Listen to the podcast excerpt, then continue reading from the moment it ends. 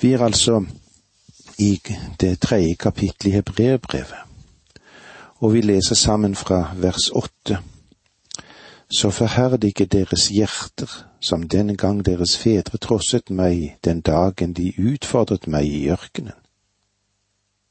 De utfordret meg og satte meg på prøve, enda de i 40 år hadde sett de gjerninger jeg gjorde. Derfor fikk jeg avsky for denne ætten og sa, de farer alltid vill i sitt hjerte, de kjenner ikke mine veier. Så sverget jeg i min vrede, de skal aldri komme inn til min hvile. Israelsfolket kjenner nå til forløsningens hvile. De er altså ikke lenger slaver i Egypt. De kom ut ved at blod ble utgitt blod på dørstolpene. De kom ut gjennom kraft. Gud førte dem gjennom Rødehavet. Gud hadde utfridd dem. Men eh, så fortsatte Jesus med å si, Ta mitt åk på dere og lær av meg, for jeg er tålsom og ydmyk av hjerte, og dere skal finne hvile for deres sjeler, som det står i Matteus 11.29. Der er det snakk om en annen hvile. Det er ikke forsoningens hvile. Jeg vil heller kalle det for lydighetens hvile. Hvilen ved å glede seg over det kristne livet. Ja, hvor godt er det i grunnen ikke det som står òg i vers 28 i Matteus 11. Kom til meg, alle dere som strever har tungt å bære. Jeg vil gi dere hvile. Det som han gjerne vil ha sagt oss, er at jeg vil løfte syndens byrde av dere. Hvorfor?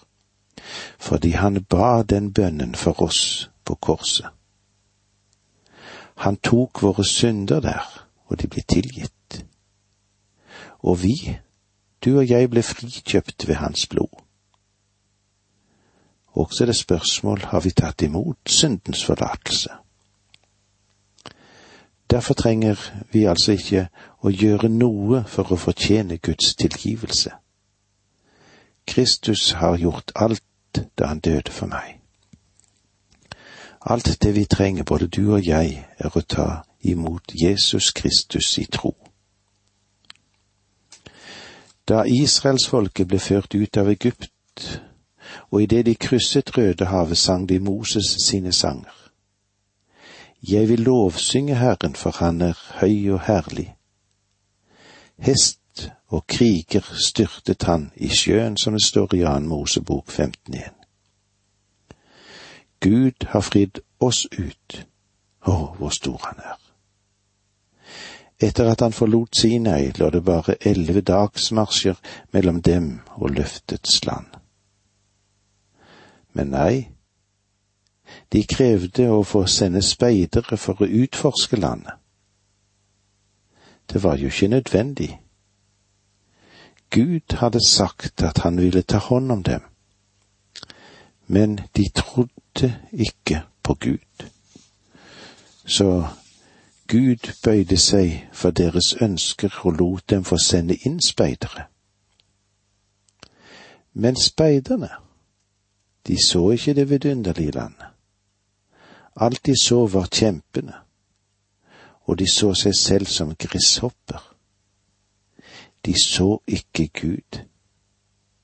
Og de vendte tilbake til folket med en falsk rapport med unntak av Kaleb og Josva, som insisterte på at Gud kunne ta hånd om disse kjempene om de stolte på ham. Men folket, hva med de? Jo, de trodde på majoritetens utsagn i rapporten. Og her er det kanskje noe som man kan tvile på når det gjelder komiteer som tilfredsstiller apparatet for å gjøre Herrens gjerning. Men så brukte de altså 40 år på en reise som kunne ha bare tatt noen få dager. Hva var dette for noe? Hva var grunnen til det? Vantro. Dere forstår at de ikke trodde Gud var tilstrekkelig til å hjelpe dem til å gå inn i landet. De trodde ham nok til å komme seg ut av Egypt, men de trodde ikke nok til å gå inn i Kanaan. Gud sa at denne generasjonen av vantroende ville dø i ørkenen, og at det var deres barn som skulle få lov til å gå inn i løftets land. Og senere forteller jo Bibelen at Josva førte en ny generasjon inn i landet. Og de måtte igjen krysse en vannåre, elven Jordan. Hvordan gjorde de det? Vel, Gud sendte paktsarken, symbolet for Guds nærvær, foran dem på prestenes skuldre. Da føttene deres berørte vannet, så delte vannet i Jordan seg. Josua 3,17. Presten som bar Herrens paktkiste, ble stående på den tørre bunn midt i Jordan, mens alle israelittene gikk tørrskodd over. Slik sto de til hele folket var kommet vel over Jordan. Deretter tok de tolv stener fra elvebunnen, der prestene fremdeles sto med arken, og plasserte dem som en minnestøtte på strandbredden. Senere erstattet de dem med tolv stener fra løftets land. Da vannet Jordan vendte tilbake og dekket disse tolv steinene, så var det symbolsk for Kristi død. De tolv stenene som var tatt fra elvebunnen og plassert som et monument på den andre siden, talte om Kristi oppstandelse. Paulus taler om dette i Romerbrevet 6,4, der han sier Vi ble altså begravet med ham da vi ble døpt med denne dåp til døden, for at vi skal leve det nye livet like som Kristus ble reist opp fra de døde ved Faderens veldige kraft. Vi er nok knyttet til en levende frelser, og det er den eneste måten vi kan glede oss over Kanan på. Kanan er ikke himmelen. Og vi vil senere få dette klart for oss at det finnes en evig hvile, og Jesus gir denne hvilen. Men spørsmålet i dag er, har vi gått inn til den hvile som de troende skal eie ettersom de vandrer gjennom verden? Er du en glad og jublende kristen i dag? Jeg mener ikke en som går rundt med et foraktelig smil, men har du det godt i ditt hjerte? Og har du det, vil du erfare at den eneste måten å komme dit på, er ganske enkelt å tro på Guds ord. Av og til undrer jeg meg på hvor mange kristne det egentlig er i dag som virkelig studerer Guds ord. Hebreerbrevet, det forteller oss at Guds ord er leven og kraftig. Det henviser primært til den Herre Jesus Kristus, men eh, det henviser også til det skrevne ordet. Og måten du og jeg kan holde oss nær til Herren på, er å holde oss nær til Guds ord. Og eneste måten du og jeg kan glede oss over det nye landets frykter på, og skjønnheten og gleden ved å ta i eie, er å granske Guds ord. Levende gjort ved Guds egen hånd uten et personlig kjennskap til Guds ord, så er det å være medlem i en menighet ofte bare et åk. Kjenne seg tvunget til å gi av sine midler og måtte gjøre visse ting. Alt blir plikt i stedet for en dragning mot Kristus og hans vidunderlige person. Hebreerbrevets forfatter taler i sitt brev om dem som allerede er frelst, men ikke har gått inn til kristenlivets velsignelser. De tviler på Gud, og som et resultat av det har de for mye av mørke opplevelser. Tiden har gått så langt i dag, så her må vi si takk for nå. Må Gud være med deg. Dette undervisningsprogrammet består av to deler. Åge Nevland fortsetter nå med andre del av dagens undervisning.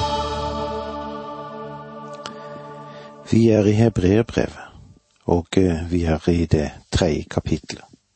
Og vi ser på hva Gud har å meddele oss gjennom versene åtte til elleve, slik som vi finner det. Så forherd ikke deres hjerter som den gang deres fedre trosset meg, den dagen de utfordret meg i ørkenen.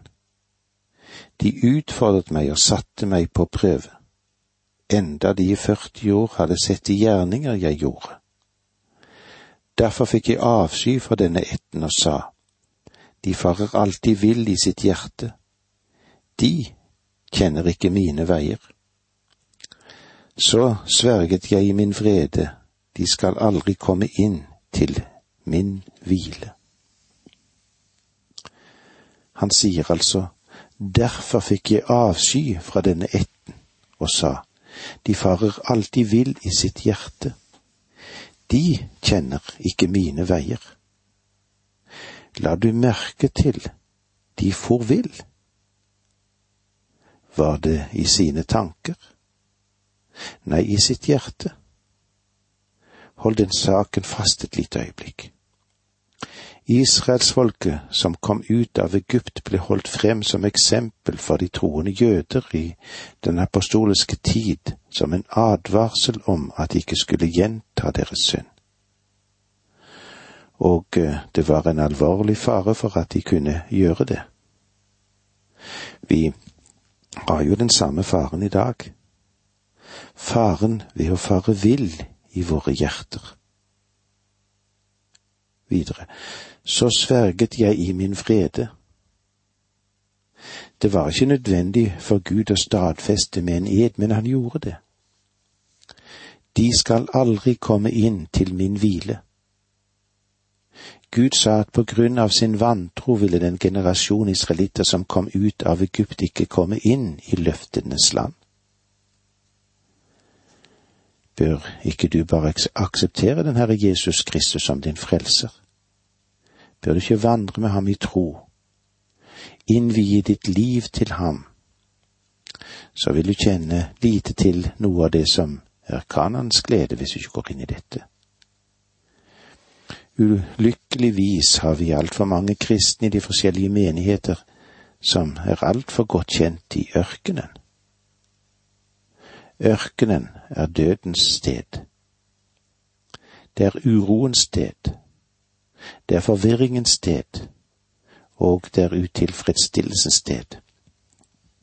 Og til disse israelittene der i ørkenen sa Gud, dere vil aldri kjenne til hva hvile egentlig er, og denne sorgen konstaterer jeg at mange troende som vi møter på vår vei i dag, ikke kjenner til den egentlige hvile, det som troen egentlig har å gi. De har aldri gått inn i den fordi de må gå inn i den med tro. La oss se vers tolv. Brødre, Se til at ikke noen av dere har et ondt og vantro hjerte, så han faller fra den levende Gud.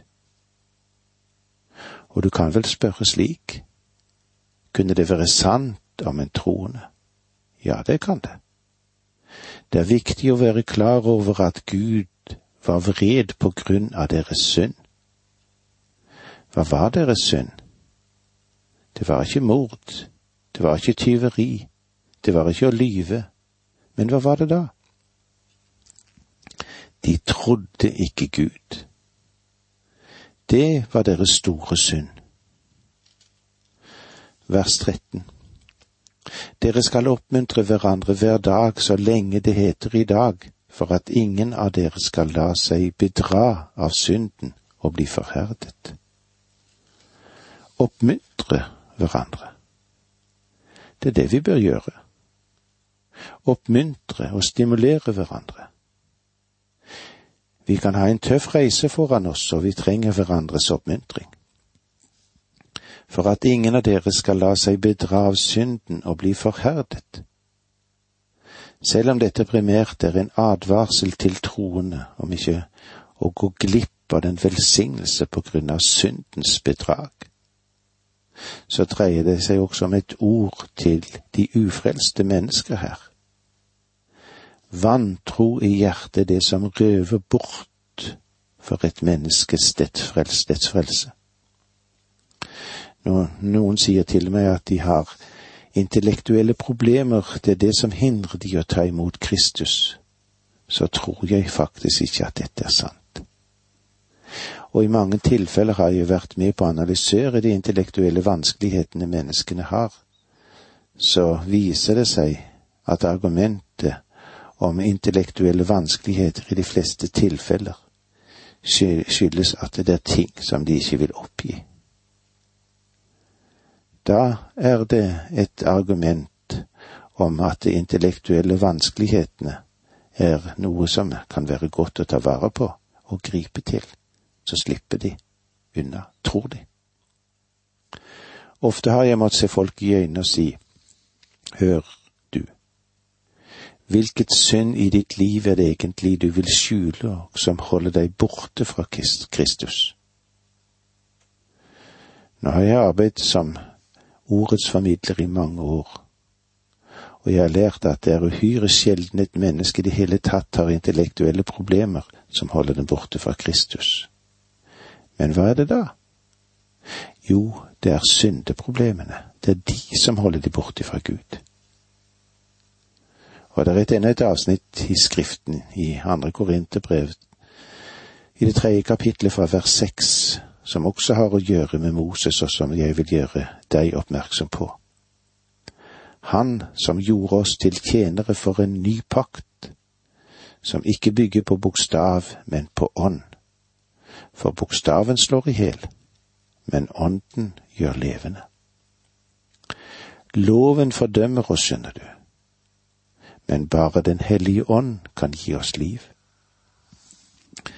Den tjeneste som var foreskrevet med bokstaver hogd i stein, og det går på de ti bud som ble overgitt med to steintavler, var dødens tjeneste. Likevel var den omgitt av en slik herlighet at israelitten ikke klarte å se ansiktet til Moses. Så sterk var glansen på det, enda den tok slutt. Paulus sier ikke at loven ikke hadde en herlighet, for det hadde den. Men denne herlighet forsvant. La oss gå litt videre til vers elleve. For hvis det som tok slutt, var herlig, hvor mye herlig er da ikke det som består? Han setter mot hverandre i kontrast lovens herlighet som fikk Moses sitt ansikt til å skinne og den større herlighet som vi har i Kristus. Da vi altså eier et slikt håp, går vi frem med stor frimodighet. Vi gjør ikke som Moses, som la et slør over ansiktet for at ikke Israels folk skulle se at glansen tok slutt. Her ser du at Moses la ikke et slør over ansiktet sitt for å dempe herligheten. Slik mange tolker det da men herligheten forsvant da han la et slør over sitt ansikt slik at mennesker ikke skulle oppleve at den forsvant. Men her er en annen herlighet nå, en herlighet som er i Kristus. Men de ble forherdet, for helt til denne dag er dette sløret blitt liggende når det leses fra den gamle pakts bøker, og det blir ikke klart for dem at pakten er opphevet i Kristus ja, helt til denne dag ligger sløret over deres hjerte hver gang Moseloven blir opplest. Her ser du at vantro er ikke et intellektuelt problem, det er et hjerteproblem. Kanskje du er en av dem som ikke har kommet til Kristus fordi det er en synd i ditt liv og du ønsker ikke å gi den fra deg. Det øyeblikket ditt hjerte er klar til å gi opp dette, i det øyeblikk er dine intellektuelle problemer borte som dugg for solen. Han tar sløret bort fra din tanke, og du kan komme til Kristus og bli frelst. Legg nå merke til vers 16. Men når de vender om til Herren, blir sløret tatt bort. Sløret vil bli tatt bort fra ditt sinn når ditt hjerte vender seg til Kristus. Og det neste verset, Herren er ånd, og hvor Herrens ånd er, der er frihet. Den hellige ånd flytter inn i ditt liv og gjør Kristus virkelig for deg, som han gjør det for uendelig mange mennesker overalt på jordkloden i dag. Når vi kommer til ham, ja, da kommer vi til å få se et utildekket ansikt. Da får vi møte Jesus som frelseren, som frigjøreren, han som vil gi oss et nytt liv, en ny verdighet, og de intellektuelle problemene de forsvinner som dugg for solen. Ser vi alle med utildekket ansikt Herrens herlighet som i et speil, og blir forvandlet til det samme bildet fra herlighet til herlighet.